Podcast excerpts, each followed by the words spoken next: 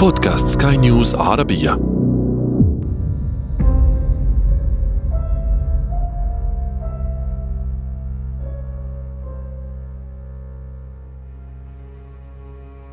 في سبتمبر قبل أكثر من 2050 عاماً وقعت معركة بين دولتين خارج الدولتين غيرت تاريخ الدولتين والعالم.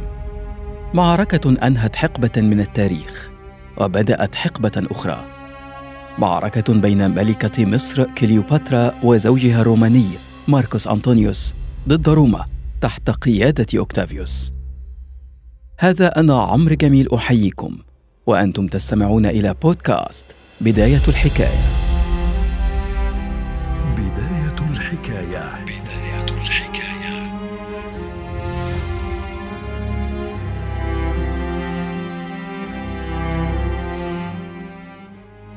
في عام 332 قبل الميلاد وفي خضم محاولاته للسيطرة على العالم القديم بأكمله وصل الإسكندر المقدوني أو الإسكندر الأكبر إلى مصر التي كانت قد فقدت استقلالها بالفعل أمام الغزو الفارسي. رأى الكهنة المصريون في قدوم الإسكندر فرصة في التخلص من الفرس خاصة مع وجود علاقة قديمة بين المصريين واليونانيين. تعود لعصر الدولة المصرية الوسطى في نحو 1980 قبل الميلاد. ما ساعد الإسكندر كما يقول ضيفي الدكتور خالد غريب أستاذ التاريخ اليوناني الروماني بجامعة القاهرة في السيطرة وبسرعة على مصر.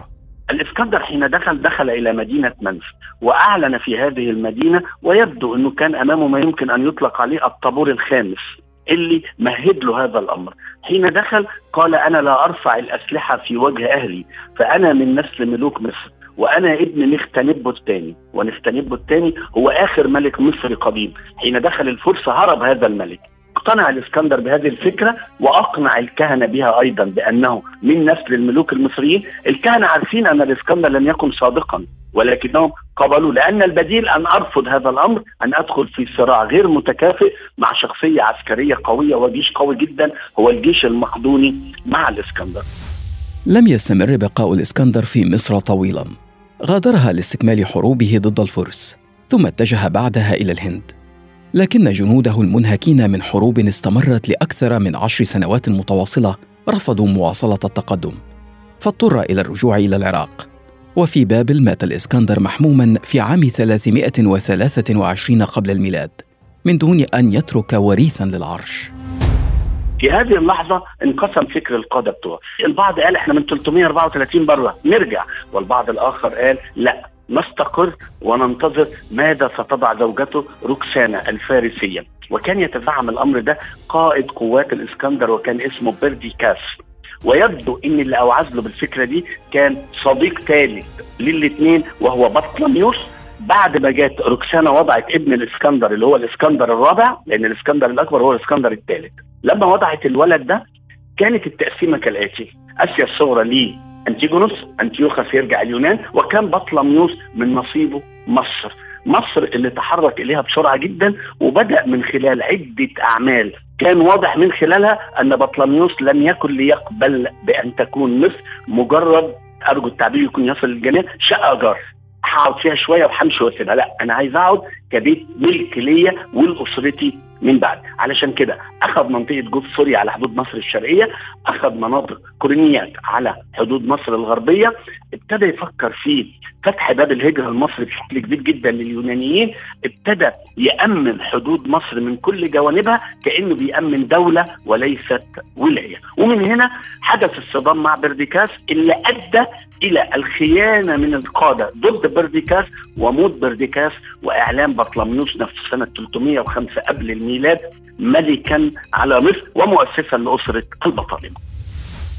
وبذلك أسس بطلميوس دولته في مصر وهي الدولة التي سيتوارثها خلفاؤه وتستمر لما يقرب من 300 عام وسيكون آخر حكامها الملكة كليوباترا السابعة دم كليوباترا دخل إلى مصر في عصر بطلميوس الخامس حين تزوج بطلميوس الخامس من ابنة ملك سوريا الملكة كليوباترا. وكيليوس باتروس معناها مجيدة الأب.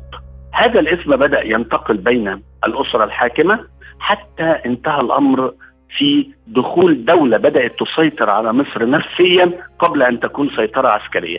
هذه الدولة التي هيمنت نفسيا على مصر من بعد بطلميوس الخامس كانت روما. وبدأت روما تتحكم في مصائر الأمور في مصر وتضع مصر في قبضتها القوية. حتى انتهى الأمر بأن روما كانت تعين الحكام.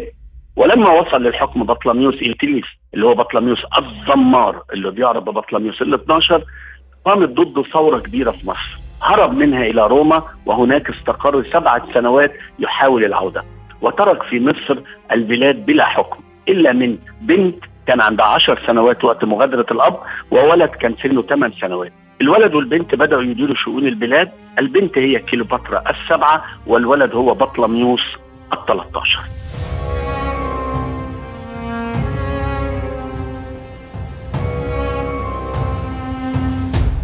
وفي هذه السن المبكرة بدأ طموح كليوباترا في التشكل كما بدأ صراعها مع شقيقها للسيطرة على الحكم. أدركت أن مفتاح ملكها لمصر سيكون في يد حاكم روما القوي يوليوس قيصر. لكن حينما التقت بيوليوس قيصر كان طموحها قد تجاوز ملك مصر إلى ملك روما نفسها. في الوقت ده بدأ يوليوس قيصر يعلم بأن هناك صراع على الحكم في مصر بعد موت الأب ما بين كيلوباترا السبعة وما بين شقيقها فطلب الاثنين يكونوا أمامه. كليوباترا استطاعت بحيلة لطيفة أن تدخل إلى القصر حتى لا تتعرض للإيذاء من رجال البلاط اللي كانوا طالبين رفضها وحين دخلت طلبت طلب واحد أن تحميها روما. وحمتها روما بالفعل واستطاع يوليوس قيصر أن ينتصر في حرب الإسكندرية 48 47 قبل الميلاد. هذه الحرب المريرة على روما حتى أن يوليوس قيصر كتب كتابا عن هذه الحرب. خرج بعد كده يوليوس قيصر مع كليوباترا في نزهة نيلية. عادت منها كليوباترا حامل من يوليوس قيصر وأعلن بعدها يوليوس قيصر أن كليوباترا هي ملكة مصر وأنجبت له ابنا هو قيصرون أي قيصر الصغير كما أحب المصريون أن يطلقوا عليه وأصبحت تحكم مصر منتظرة أن يوفي يوليوس قيصر بعهده معها ويتزوجها. وبالفعل غادرت مصر سنة 44 قبل الميلاد إلى روما لتعلن زواجها من يوليوس قيصر لكن لا الريح بما لا تشتهي السفن ويقتل يوليوس قيصر في السيناتو وتصبح كليوباترا ملكة على مصر وتطالب بوريث وحق شرعي لها من ابنها من يوليوس قيصر. بالطبع لم تكن روما على استعداد لتسليم عرشها إلى كليوباترا. في الواقع كانت على وشك نزاع جديد بين صديق القيصر الراحل ويده اليمنى ماركوس أنطونيوس ووريثه الشاب الصاعد أوكتافيوس. وكان أن اتفق الطرفان على الهدنة لكن ذلك إلى أن التقى أنطونيوس بكليوباترا. كان الاتفاق أن يتزوج ماركوس أنطونيوس من أوكتافيا أخت أوكتافيوس ثم يتجه نحو طرسوس في سواحل سوريا ليقابل حكام الشرق وهناك يطلب منهم أن يكونوا تابعين لروما كما كان العهد مع يوليوس قيصر. لكن حين دخلت كليوباترا تطلب من ماركوس أنطونيوس حق قيصرون خالف كل القوانين الرومانية التي تمنع الزواج من أجنبية وتمنع تعدد الزوجات وتزوج من كليوباترا التي رفضت أن يكون بينها وبينه أي علاقة خارجة عن نطاق الزواج وأنجبت له أبناء. وحقق انتصار أو ما يشبه الانتصار في حرب البرفيين. التي أعطت قوة. في هذه اللحظة أوكتافيوس بدأ يتحرك. لسببين الخفي هو أخته التي كانت في هذه الحالة هي زوجة ماركوس أنطونيوس ثم أصبحت بعيدة عنه. الثانية هي روما. وبالفعل حصل على تفويض كبير من روما أن يأتي بالعاهرة سكيرة الشرق مقيدة بالسلاسل في شوارع روما. في هذا الوقت كليوباترا أخذت ماركوس أنطونيوس وعادوا إلى مصر وأعلن قرارات أشعلت النار في السينات الروماني واحد أبنائي وأبناء يوليوس قيصر من كليوباترا أبناء شرعيين. إذا أصبح لكليوباترا جزء من عرش روما فهي تحمل ملك يوليوس قيصر وأنطونيوس. الإسكندرية عاصمة الجزء الشرقي للإمبراطورية. كل الأملاك تتحرك مع كليوباترا. بدأت من هنا التمهيدات أن لابد من القضاء على هذه المرأة التي أركعت حكام روما. وهكذا لم يكن هناك بديل عن الحرب. حرب ستغير مصير مصر وروما والعالم. حرب ستدور رحاها في أكتيوم باليونان.